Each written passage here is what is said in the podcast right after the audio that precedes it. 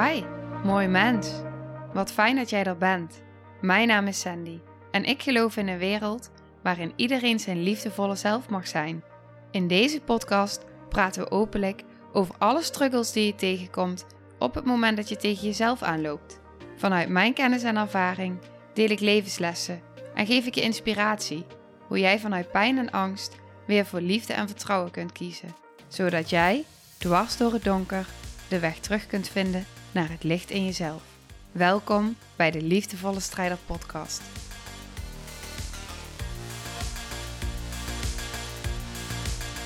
Dag, mooi, lief mens.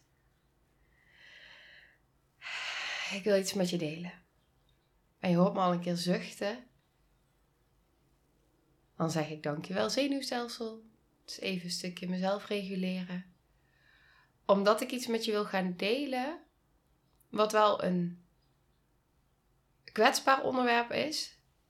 En tegelijkertijd is het ook een onderwerp waar ik nogal wat van te vinden en te zeggen heb.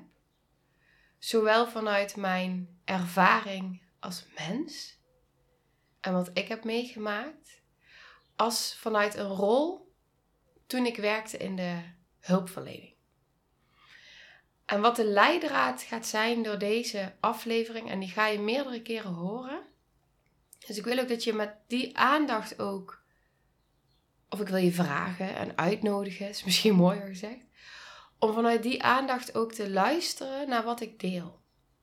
Want in dit verhaal hoor je op verschillende momenten hoe eigenlijk mijn intuïtie direct informatie aan mij doorgaf.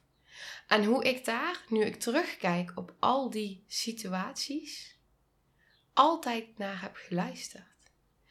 Dus waar mijn gekwetste delen reageerden, waar mijn beschermdelen reageerden, mijn gezonde delen reageerden, was er ook een intuïtie in mij, die jij ook hebt, die zo duidelijk door mij heen sprak, die ik zo sterk voelde.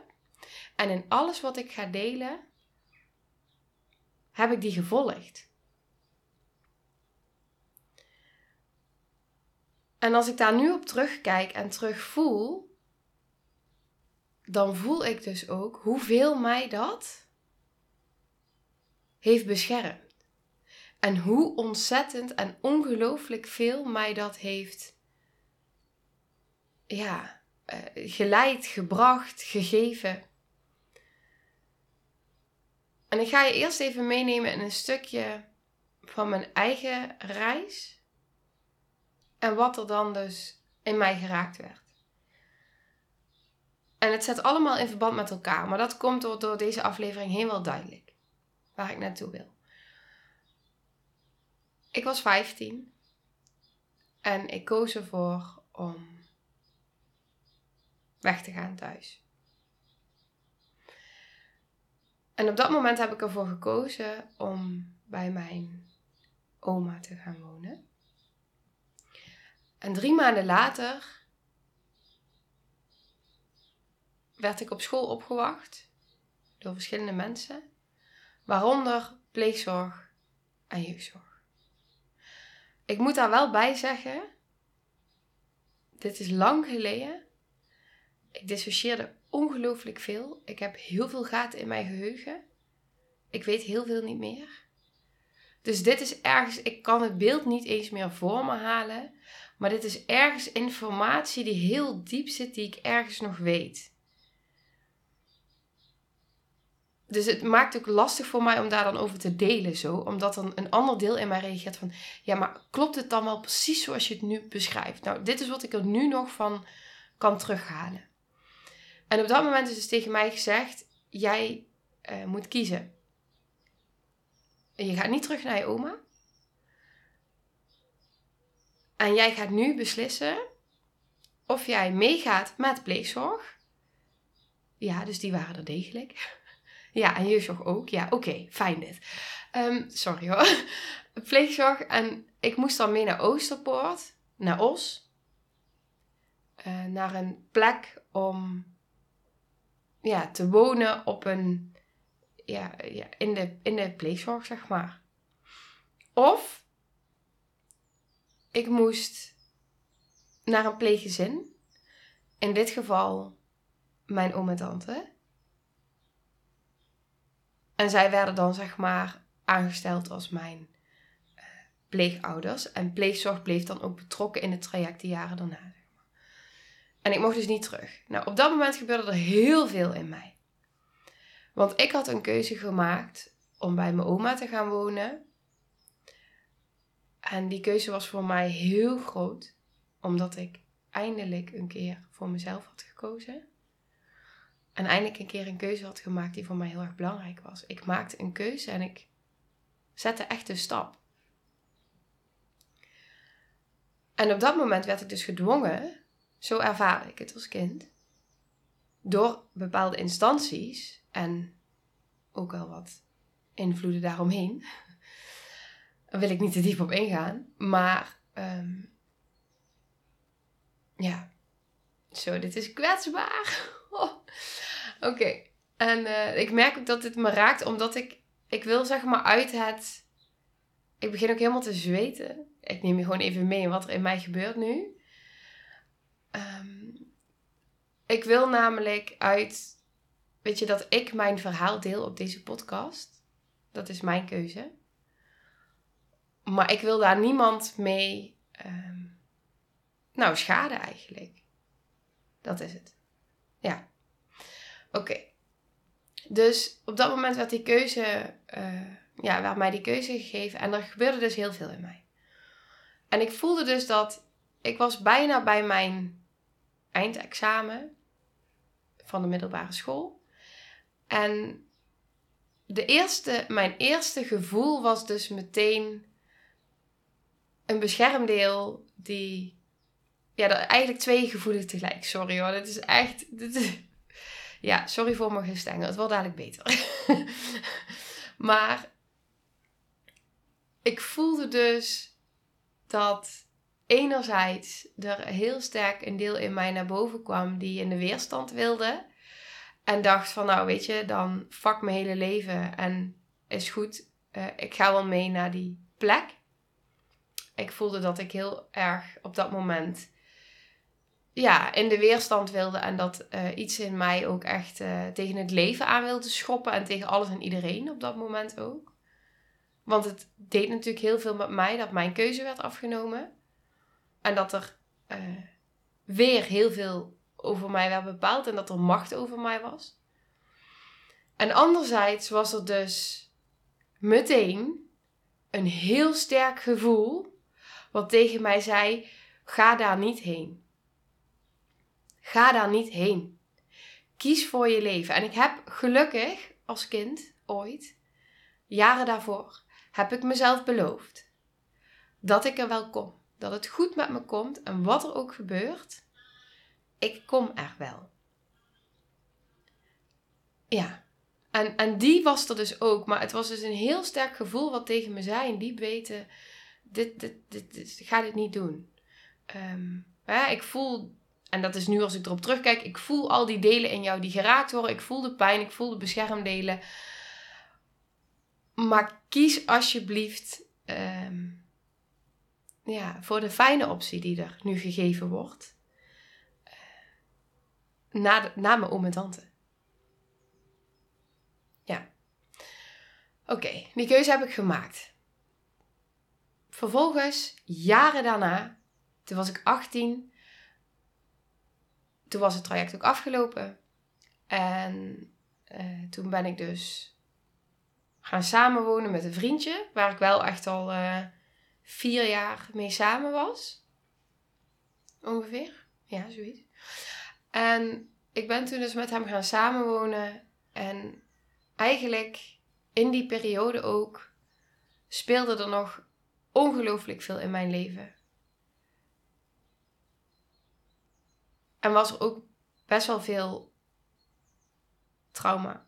En um, ja, het was heel erg heftig. Oké.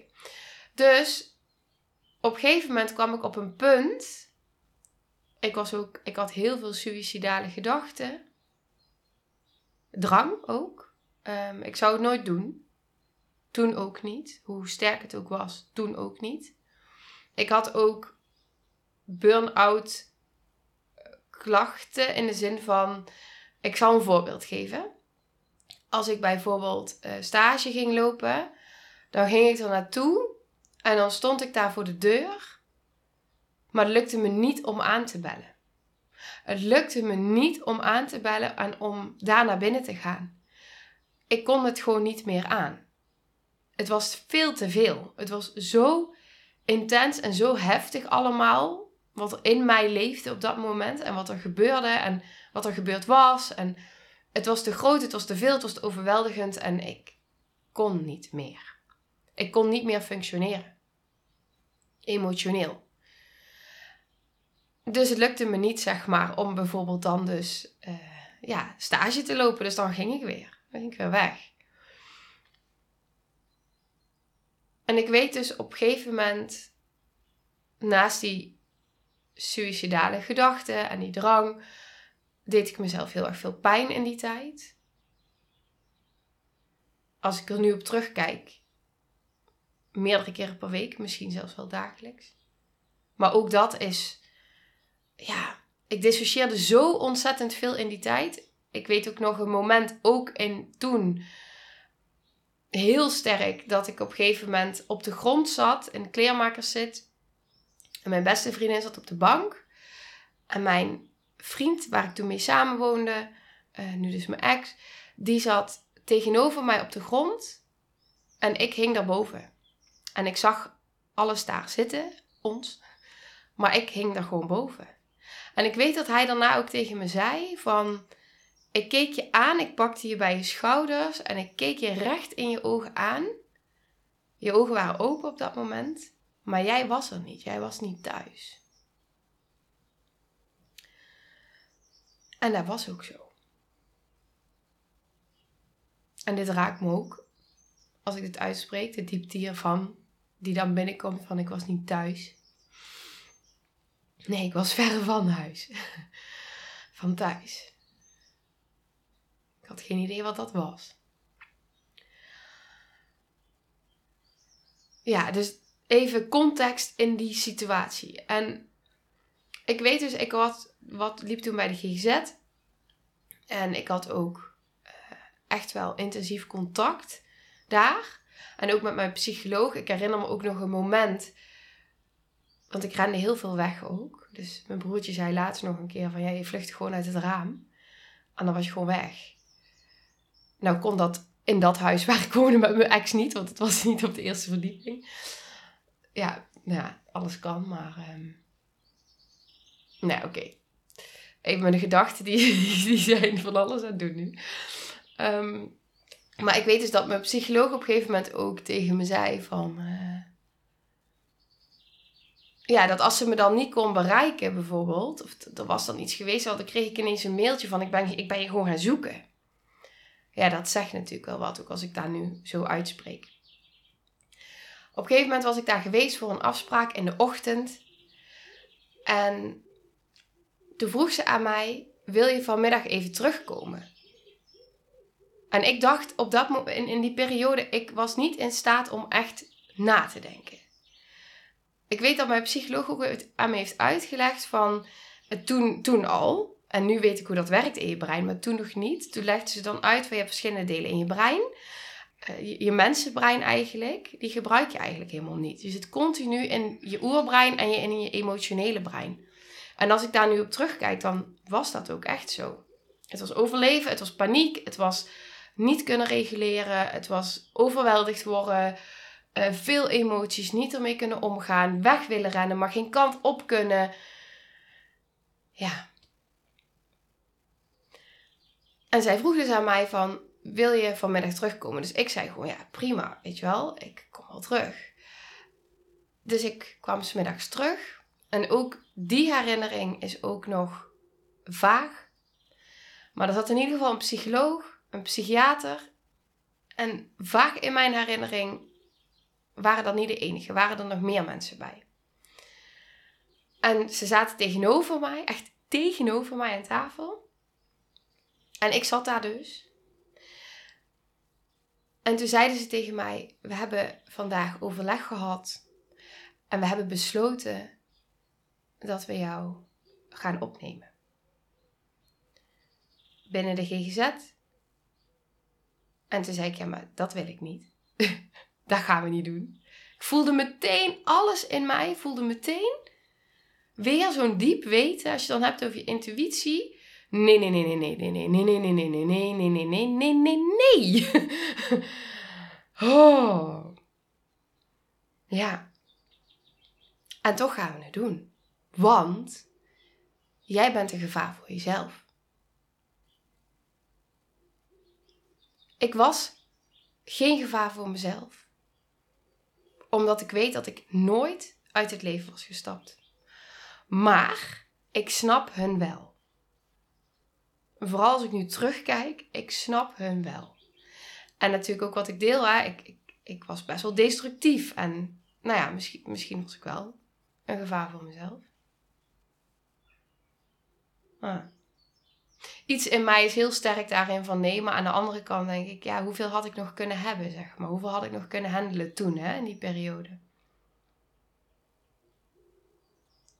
Maar ik heb altijd heel sterk dat gevoel gehad van ik zal nooit, uh, ik, ik zal nooit uit het leven stappen. Het was een hulpbron om eruit te kunnen stappen. Het was een hulpbron omdat ik wist van er is altijd een uitweg. Die is er altijd. Zo diep zat ik. Die raakt me ook als ik die deel. God. Ja. Ja ik kan ook niet anders meer dan op het moment dat ik dit zo met je deel. En mijn gevoel deel. Ik kan het ook niet meer vanuit een beschermdeel dingen delen. Maar als ik hier voor de microfoon zit en ik. Dan deel ik vanuit mijn gevoel. Dus dan praat mijn hele lichaam mee. ja. En het is wel mooi, want nu ik dit ook uitspreek, voel ik dus ook dat er gewoon nu dus wel een beschermdeel voorschiet. En dat ik dus blanco word ja, je krijgt gewoon echt mijn, uh, mijn hele pure verhaal. Maar vooral mijn hele pure gevoel. Nou ja, terug naar die kamer. ik zat daar en um, het was heel diep in mij wat nee zei. En ergens voelde ik ook dat iets in mij dacht van... Oké, weet je wel, kom maar dan. Doe maar. Eh, neem me maar op. Maar ik voelde gewoon, dit, dit is niet mijn pad. Dit, dit, dit gaat me niet dienen.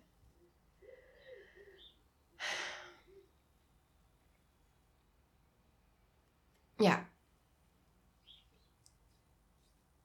Oké. Vervolgens zeiden ze tegen mij, na heel veel gesprek, geen idee hoe ik het voor elkaar heb gekregen. Ik ben altijd heel goed geweest in reflecteren en in ja, dus dat was er wel. Ook toen. Uh, ik heb vaak teruggekregen van psychiaters en psychologen van... Je kan zo goed reflecteren. Je bent zo bewust eigenlijk van wat er gebeurt. Het is eigenlijk wel heel interessant als ik dit zo deel. denk ik, ja, maar dan klopt eigenlijk helemaal niet wat ik net zei. Want dat was er ook continu. Er was zoveel, toch wel, ook weer bewustzijn. Want ik wist heel goed wat er gebeurde in mij. Ja, ja, grappig dit. Oké. Dat is echt een heel gesprek in mezelf, volgens mij. Um, nou, in ieder geval, toen zeiden ze dus dat het oké was. En ik hoefde niet opgenomen te worden. Onder de voorwaarde dat ik aan de medicatie ging. Dus ik kreeg paroxetine en oxazepam. Dus een antidepressiva voor de lange termijn en de oxazepam voor de, ja, de, de korte. Uh, de snelwerkende. En ik weet dat ik toen nog doorkreeg van nou, ik, volgens mij mocht ik er dan vier op een dag of zo, oxazepam. En dat werd meteen een uh, afhankelijkheid. Dus ik werd meteen afhankelijk van die oxazepam. Echt direct. En ik weet dat er echt wel momenten zijn geweest dat ik, uh, dat is een jaar daarna, misschien twee jaar daarna, dat ik een, een kerstdiner had met, een, met mijn nieuwe vriend toen. En dat vond ik zo spannend om uh, in die ruimte te zijn en mensen onder ogen te komen. Ik vond het heel spannend om überhaupt bij mensen te zijn op dat moment. Ik was heel erg bang dat ik iets fout zei, dat ik niet goed genoeg was, dat ik ja, dat ze iets van me vonden. Dus ik durfde niks te zeggen. Ik durfde er eigenlijk niet te zijn. Ik wilde eigenlijk onzichtbaar zijn. Ik durfde ook, ik weet nog dat ik dus ook bij hem in huis woonde met zijn ouders. En met zijn moeder en stiefvader. En als hij dan was werken. In die tijd was ik dus gestopt met stage en school, omdat het dus gewoon echt niet meer ging. En als hij dan was werken, dan zat ik de hele dag op de zolderkamer. En als ik dan naar de wc moest, die was op de bovenverdieping, dan ging ik echt luisteren of dat er niemand boven was, zodat ik even snel veilig naar de wc kon op de bovenverdieping. Want ik durfde niet naar beneden. Ja. En uh, ik durfde niet eigenlijk op dat moment mensen onder ogen te komen zonder hem, omdat ik dan zo bang was. Ja. Maar wat ik dus nog weet van dat diner is dat ik dus zoveel in me deed, uh, dat contact aangaan, dat ik dus vijf oxazepam in één keer had ingenomen om überhaupt daar te durven zijn. En dat ik dus zo uh, verdoofd was eigenlijk, dat ik ook gewoon, ja, ik kon niet eens meer denken of voelen überhaupt, zeg maar.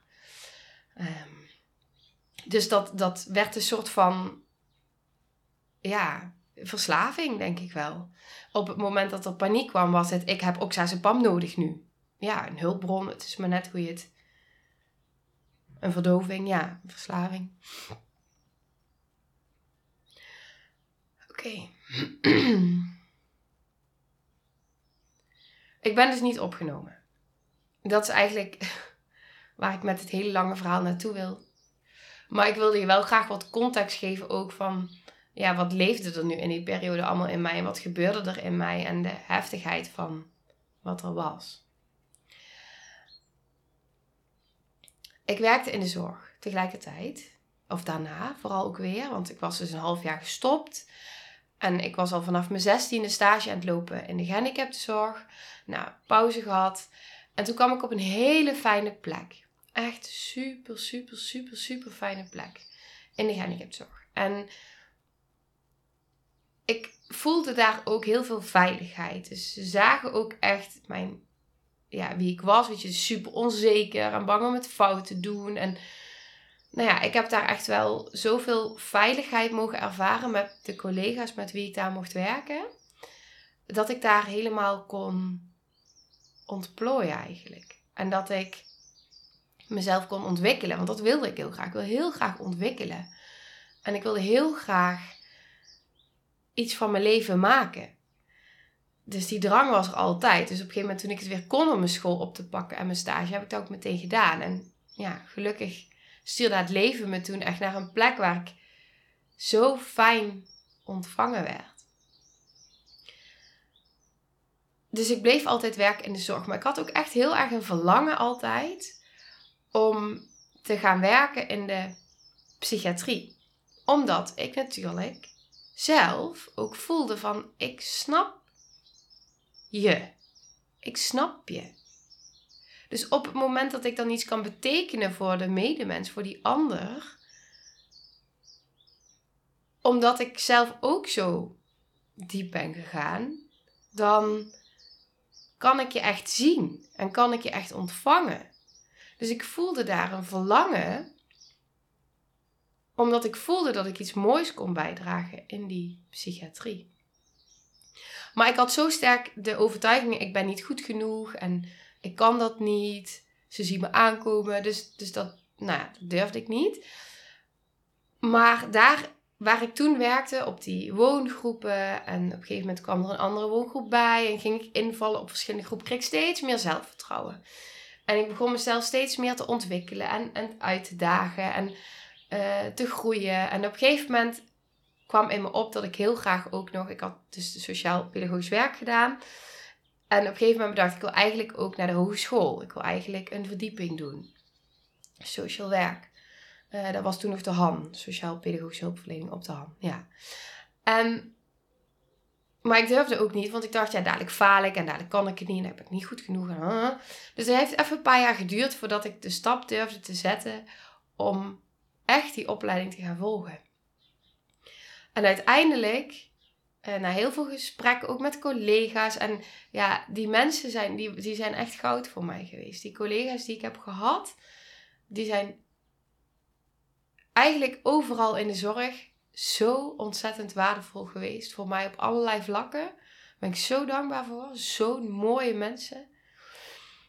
Dus uiteindelijk was ik krachtig genoeg om te zeggen: Oké, weet je, ik ga die opleiding doen. En als ik niet slim genoeg ben of ik kan het niet, ja, dan, dan heb ik het in ieder geval geprobeerd.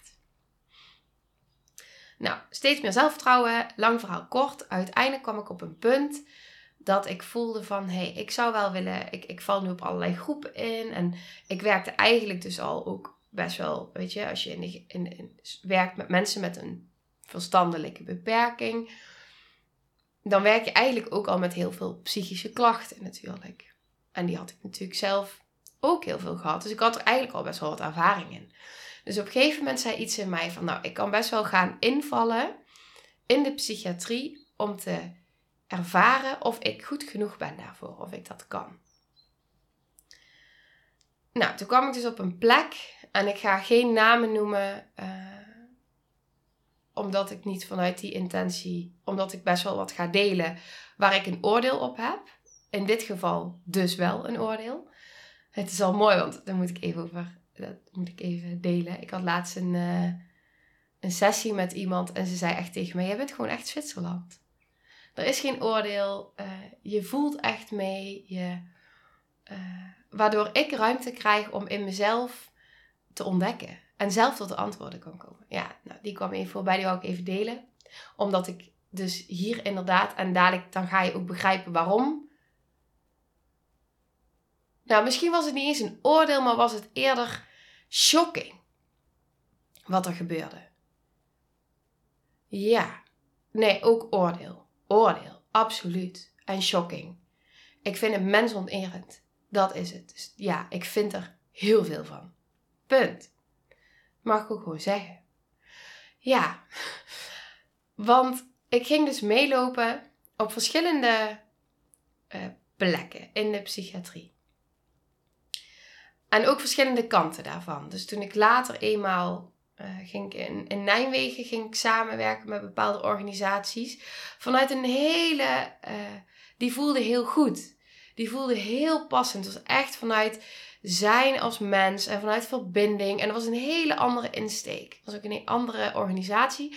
Maar daarvoor. Sorry, ik hoop niet dat het een warrig verhaal is. Maar daarvoor ging ik dus invallen. En dat was echt op. Ja, weer intramuraal. Dus echt binnen muren. En dat is denk ik het grote verschil geweest. Dat weet ik eigenlijk wel zeker. Ik ging binnen, binnen de muren ging ik dus invallen. En ik weet nog dat ik daar op een groep stond. Hele fijne, toffe groep. Heel interessant en dat voelde oké. Nu achteraf, als ik er nu zou staan, zou ik er ook weer met andere ogen staan en een ander gevoel. Maar toen was het oké. En ik weet dat ik op een gegeven moment kreeg ik een pieper om. En werd mij verteld, als die pieper afgaat, ga je rennen daar naartoe. En toen dacht ik: oké. Oké. Oké. Uh, het voelde als uh, spanning. Uh, ja, het, het voelde als een spanning dat ik dacht van, maar wat, wat gaat er dan gebeuren? Wat kan ik dan verwachten? Uh, heeft iedereen die pieper? Gaan we er met z'n allen op afrennen? Maar ja, hè, ik was aan het inwerken en ik dacht, nou oké, ik ga het wel ervaren. En mijn pieper ging af. Dus ik doe wat mij is verteld.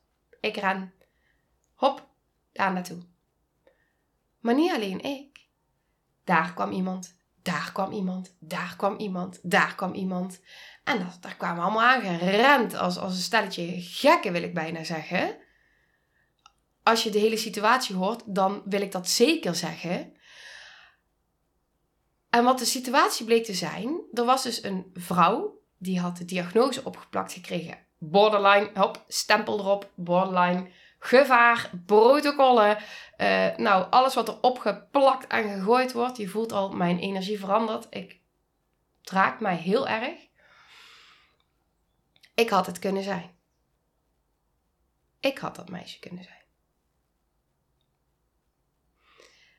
En dat meisje was dus overstuur geraakt, ik weet niet eens waarom. En ze had met kopjes door de ruimte gegooid.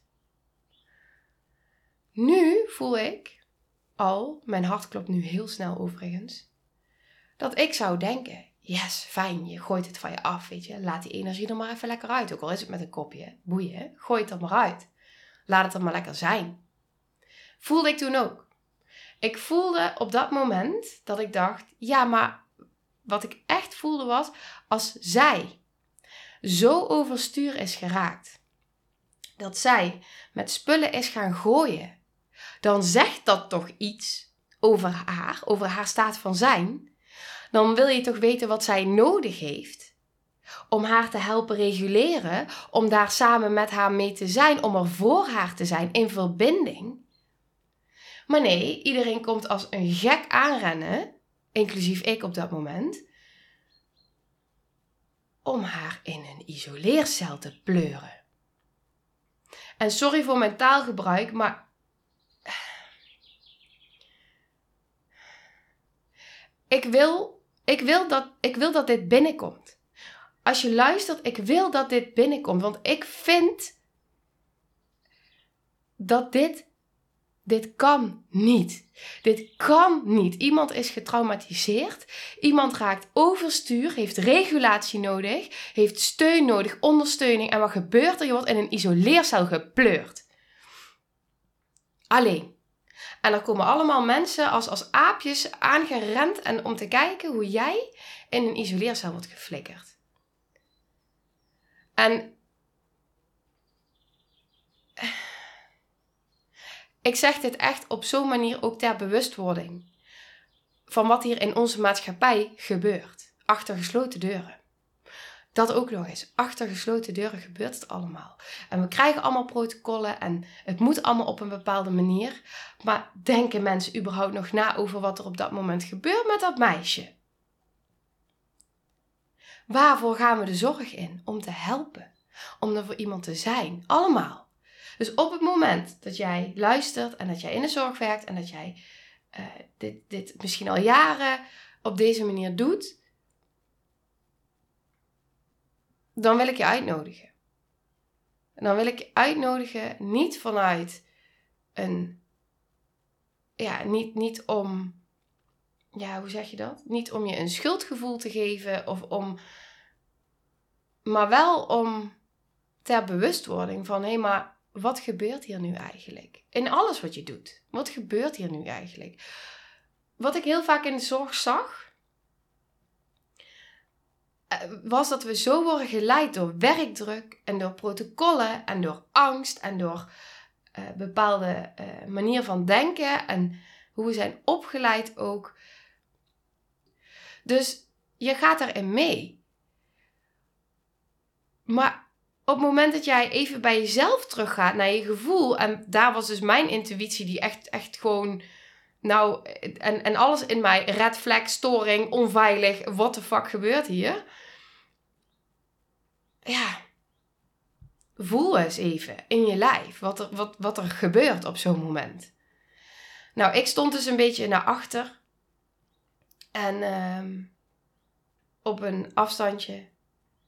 En werd ook een beetje overweldigd. Nou, die deur ging dicht en iedereen ging weer terug met, naar zijn werk, naar de afdeling waar hij was.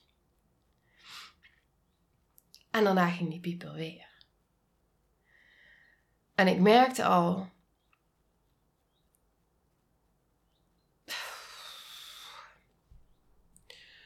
Dat ik niet wilde. Ik kon niet rennen.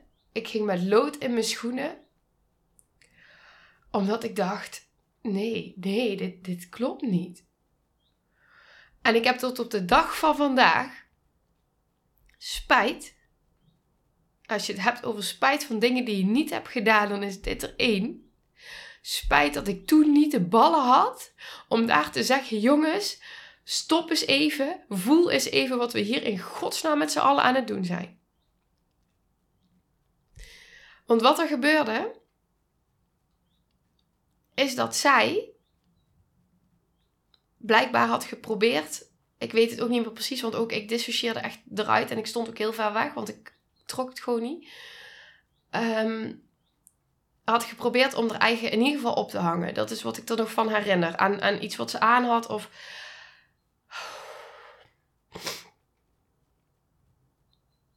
Oh. En wat er toen dus gebeurde, en dat vind ik zo erg. Omdat ik precies weet hoe zij zich voelt. Ook al was ik het niet. Ik echt, ik, ik weet het. Zo die paniek. Zo alleen. Omgeven door allemaal mensen. En dan word je vervolgens je kleren worden uitgetrokken. En je wordt daar weer in je eentje achtergelaten. Met de camera. En daar zit je dan. Daar lig je dan. In paniek. Helemaal alleen. Naakt. Net geprobeerd om, omdat je zo in paniek bent, er een einde aan te maken. Of in ieder geval om hulp te schreeuwen. Help mij. Zie mij. Ben er voor mij. En die deur wordt weer dichtgegooid en iedereen gaat weer verder met zijn werk. En jij ligt daar. Ik ben nooit meer teruggegaan.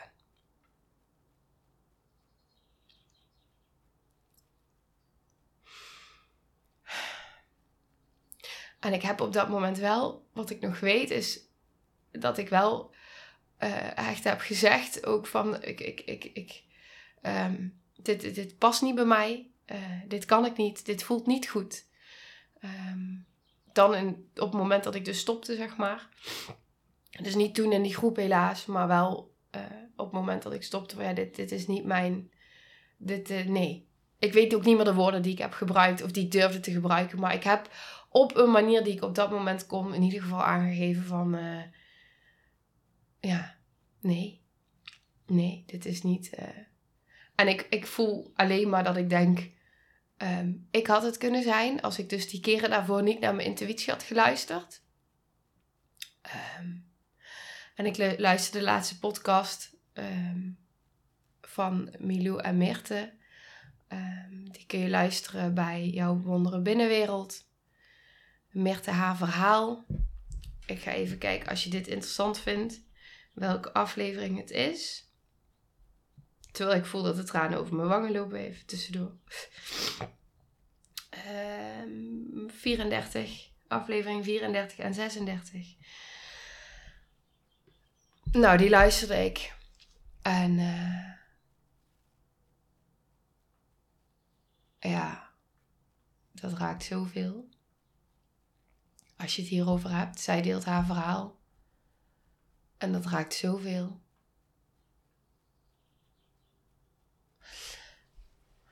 daar heb ik geen woorden voor, omdat het zo, zoveel en op zo'n diepe lagen binnenkomt. En uh, ik voelde al heel lang dat ik hier iets over wilde delen op de podcast.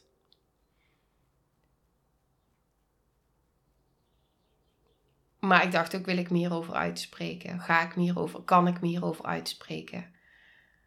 Uh, past dit binnen deze podcast? Wat heeft de luisteraar hier aan? Wat heb jij hier aan?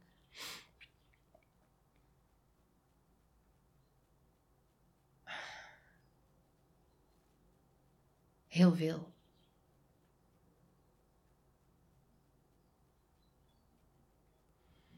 Want ik vind dat. Um, ik moet mezelf echt even terughalen, merk ik. ik vind dat. Um, ja. Dit is mensonterend.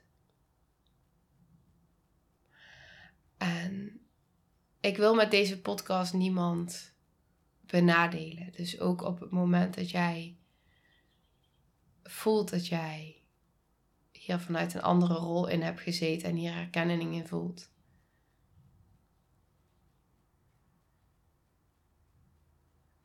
En vanuit beste intenties die je op dat moment had en de wetenschap die je had, hebt gehandeld.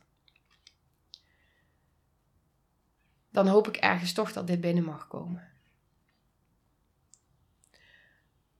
Want dit is als je het hebt over trauma. Dit is zo ongelooflijk hertraumatiserend. En zo ongelooflijk. Ja. Oneervol. En we zijn allemaal mens. We, weet je, we, we zijn mens. Op het moment dat iemand in paniek is, dan wil je die ander toch helpen om mee te reguleren. Dan wil je die ander toch veilig laten voelen. Dan wil je die ander toch juist zien. Dan wil je toch niet die ander die al zo getraumatiseerd is, zo in paniek is en zoveel pijn heeft,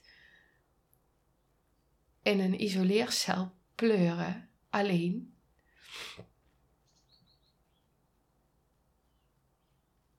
En weer bevestigen dat er niemand voor je is. En dat je niet gezien wordt. Ja, je wordt wel gezien op een camera.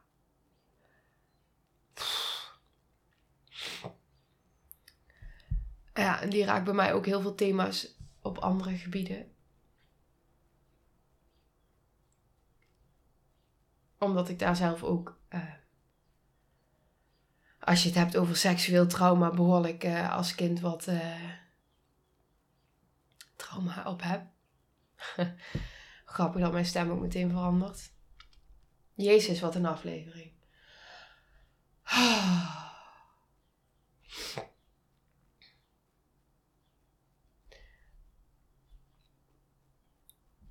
Hierom kan ik niet in de psychiatrie werken.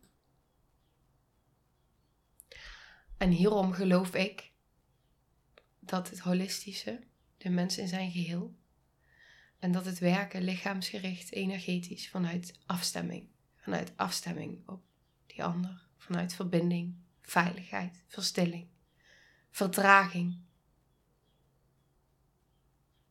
vanuit contact. Ik weet dat ik altijd heb geleerd dat je een professionele afstand moet houden. En dat ik altijd al voelde, ja maar ik ben mens, jij bent mens. Waarom moeten we werken van hoofd tot hoofd en niet van hart tot hart? Waarom kunnen we niet die ander knuffelen en aankijken en zeggen: Ik begrijp jou. Ik begrijp jou, want ik was daar ook ooit.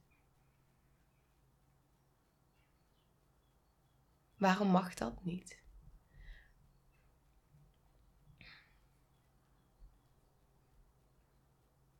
waarom mag je niet op het moment dat iemand overstuur raakt en met spullen gaat gooien? Weet je, als ik in een sessie zit met iemand en iemand zou tegen mij zeggen: Ik heb het gevoel dat ik ergens mee wil gooien, dan geef ik het in je hand.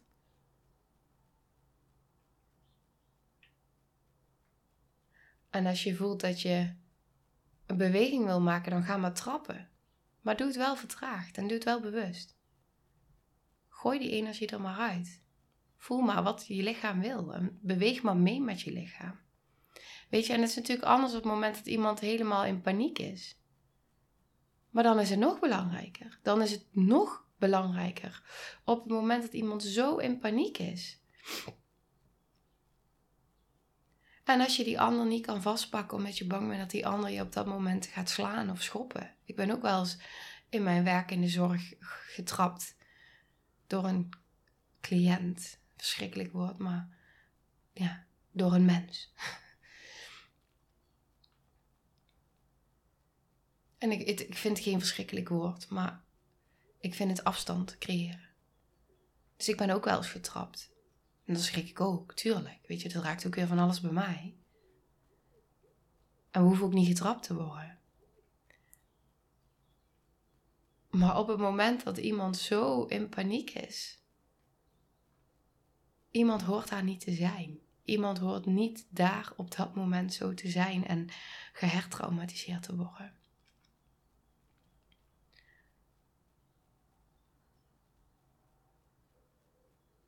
Want in dat deel wat daar zo aan het panikeren is en misschien aan het schreeuwen van zich af aan het slaan is, daar zit een klein meisje of een klein jongetje wat ongelooflijk bang is en eenzaam.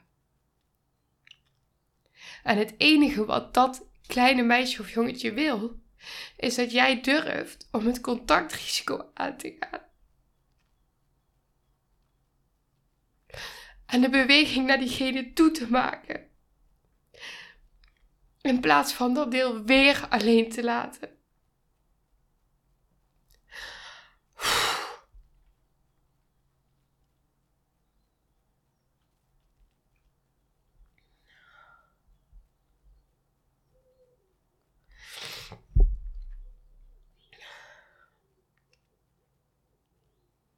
Want hoe helend zou het zijn als jij kopjes aan het gooien bent en je ziet iemand met een hele zachte blik in jouw buurt staan. Waarbij je voelt dat het welkom is. Het is welkom, het mag zijn, gooi maar. Ik zie dat je heel erg boos bent en dat je heel erg in paniek bent. En ik zie dat je heel erg overweldigd wordt nu. En dat al jouw overleefdelen aanstaan. Maar ik ben hier. Ik ben hier en ik blijf hier. En als je kopjes naar me gaat gooien, dan verstop ik me heel even achter de bank, maar dan blijf ik wel tegen je praten. In de verdraging en de verstilling dat ik er ben. En als je voelt dat ik de ruimte uit moet, dan ga ik achter de deur staan. En ik snap het, hè, als je weet dat iemand zich vervolgens enorm gaat verwonden. Weet je, dat snap ik ook.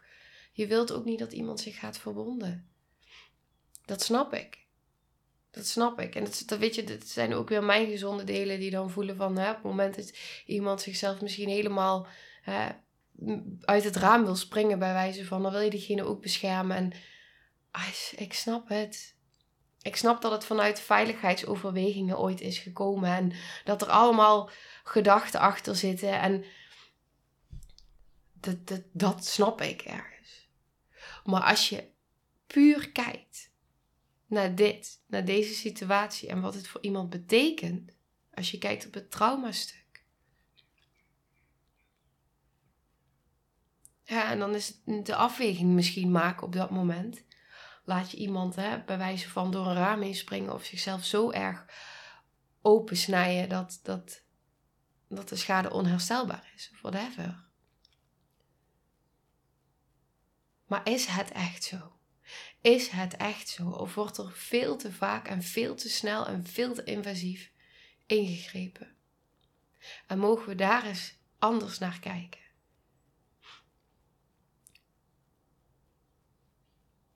Hoe zou het zijn als je op dat moment met een kussen naar iemand toe loopt en zegt: Hoppakee, ga maar in het kussen rammen.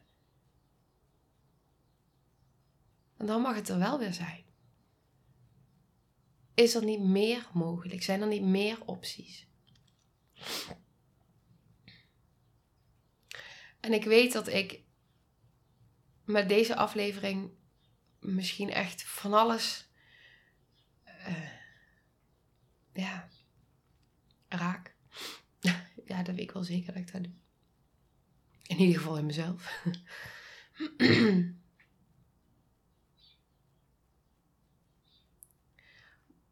Maar ik vind echt dat dit, dit, wat ik deel, dit mag anders. Dit moet anders. En dit kan anders.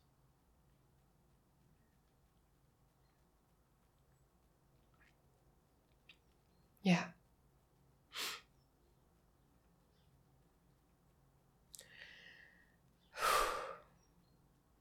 Is ook de omgeving. En wat voor omgeving mag jij zijn met je pijn? En is in zo'n omgeving zijn, als je al zoveel pijn hebt en zo getraumatiseerd bent, hoe kan dat dan goed voor je zijn?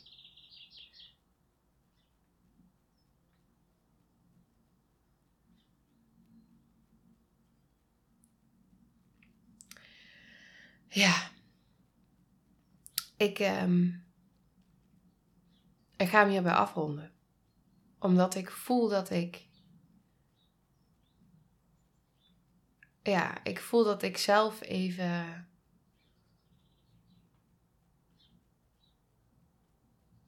stilval ook. Dat er heel veel in mij geraakt is met dit wat ik deel. En ja, dit is ook wel interessant. Want dan komt er ook echt een deel in mij naar voren die denkt van ja, maar sluit het positief af. nee. Dit is wat het is. En het is niet positief. En het klopt niet. Het klopt niet. Het hoort niet. En ik ga voor een wereld waarin we mogen zijn en leven vanuit liefde en vertrouwen, vanuit verbinding.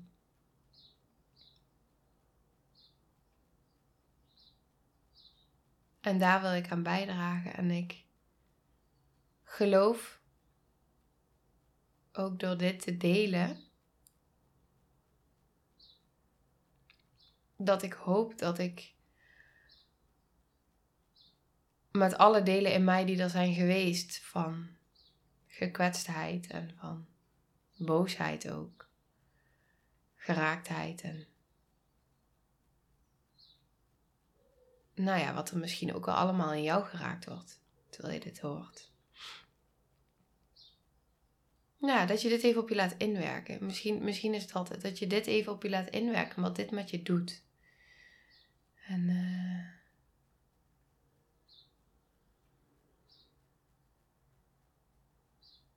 de enige manier hoe er verandering kan optreden, is door zelf die verandering te zijn.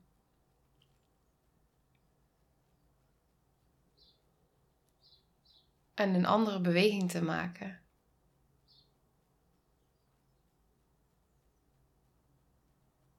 En ik geloof dat het anders kan in deze wereld en dat het anders mag. Iemand die getraumatiseerd is. En die zo diep zit.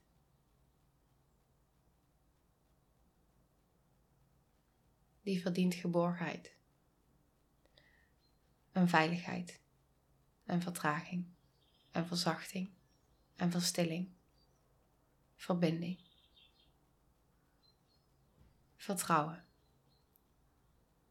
aandacht, liefde, compassie, zachtheid, warmte, aanraking, troost, steun, verlichting, welkom zijn met al je delen, met alles wat er is, met alles wat het lichaam vertelt.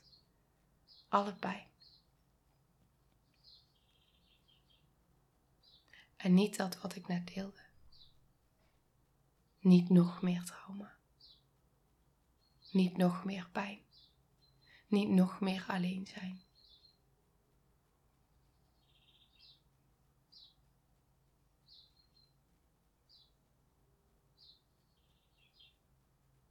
En alles wat het nog meer in mij raakt. Waar ik dus weer stil van val. Want eigenlijk heb ik er geen woorden voor. Voor de grootsheid hiervan.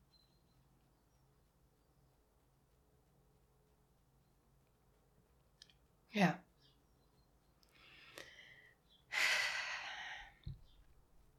Ga me afronden, lieve jij. En um, ja, ik hoop dat je, als je voelt dat je hier iets over wilt delen, dat je je welkom voelt om dat met mij te delen. En dat alles welkom is. Dus alles wat in jou geraakt wordt, op welke laag dan ook, is welkom. En uh, mag je met me delen.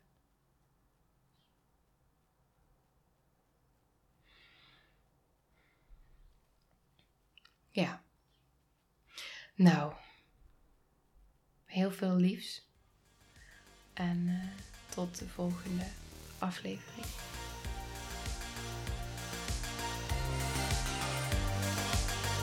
Nou, lieve mensen, ontzettend bedankt voor het luisteren. Ik ben heel benieuwd wat je van de aflevering vond en welk inzicht je eruit hebt gehaald. Mocht je nog vragen hebben of is er een onderwerp waar je meer over wilt weten, laat het me dan weten. En wie weet neem ik het mee in een van de volgende afleveringen. Als je het leuk vindt, kun je de aflevering delen. Of maak een screenshot en tag me op Instagram. Want ik vind het echt super tof om te zien wie er luistert. De link van mijn Instagram staat in de beschrijving bij de podcast. En wil je blijvend geïnspireerd worden? Klik dan op abonneer of volgen in de podcast-app waarmee je luistert. Dat zouden ik en alle toekomstige luisteraars enorm waarderen. Want dat zorgt er namelijk voor dat de podcast beter gevonden wordt. Nogmaals, dankjewel voor het luisteren en heel graag tot de volgende aflevering.